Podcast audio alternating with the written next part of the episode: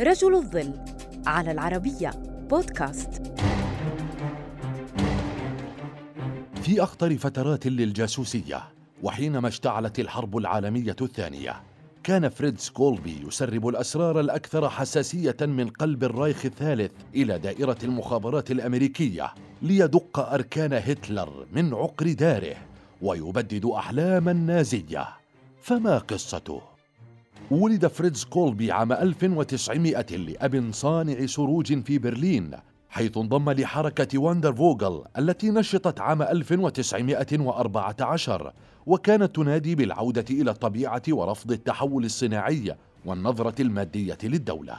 خلال الحرب العالمية الأولى ورغم رفضه الحرب وجد فريتز نفسه مجندا في الجيش الألماني حيث خدم كمدني في وحدة التلغراف لمدة عام تقريبا قبل أن يصبح جنديا في أغسطس من العام 1918 ويتدرج بوظائف عسكرية بالجيش ويحصل على شهادة جامعية. لكن ومع اندلاع الحرب العالمية الثانية عين بمنصب دبلوماسي بوزارة الخارجية ولكنه كلف بعمل كتابي متواضع لرفضه الدائم الانضمام إلى الحزب النازي.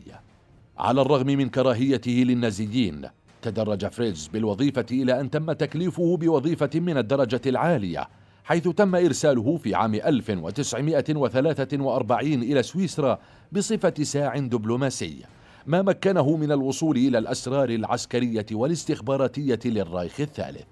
أثناء وجوده في سويسرا وبسبب كرهه للنازية حاول تقديم وثائق سرية للسفارة البريطانية فاتجه إلى الأمريكيين حيث قبله مسؤول المخابرات الأمريكية ألين دالاس كجاسوس وأعطاه الاسم الرمزي جورج وود منذ عام 1943 زود فريتز الأمريكيين بنحو 2600 وثيقة ضمت معلومات مهمة عن الخطط العسكرية كغزو نورماندي والصواريخ النازية ال V 1 وال V 2 والخطط العسكرية اليابانية في جنوب شرق آسيا. ولم يقبل بأجر مادي لقاء ذلك.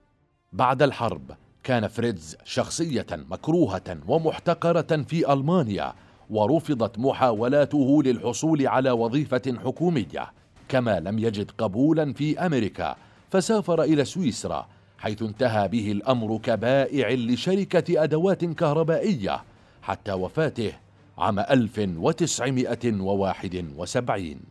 دفن فريدز في برلين وبقي اسمه منبوذا حتى عام 2004 عندما اعتبر عمله جزءا من المقاومة الألمانية فتم إدراجه بالنصب التذكاري للمقاومين وكرمته وزارة الخارجية للجمهورية الفيدرالية الألمانية بإطلاق اسمه على إحدى قاعاتها فيما كتب عنه رئيس التجسس ألين دالاس أنه لم يكن فقط أفضل مصادرهم بشأن ألمانيا بل كان ضابط الأحلام بالنسبة لأي جهاز استخبارات على الإطلاق.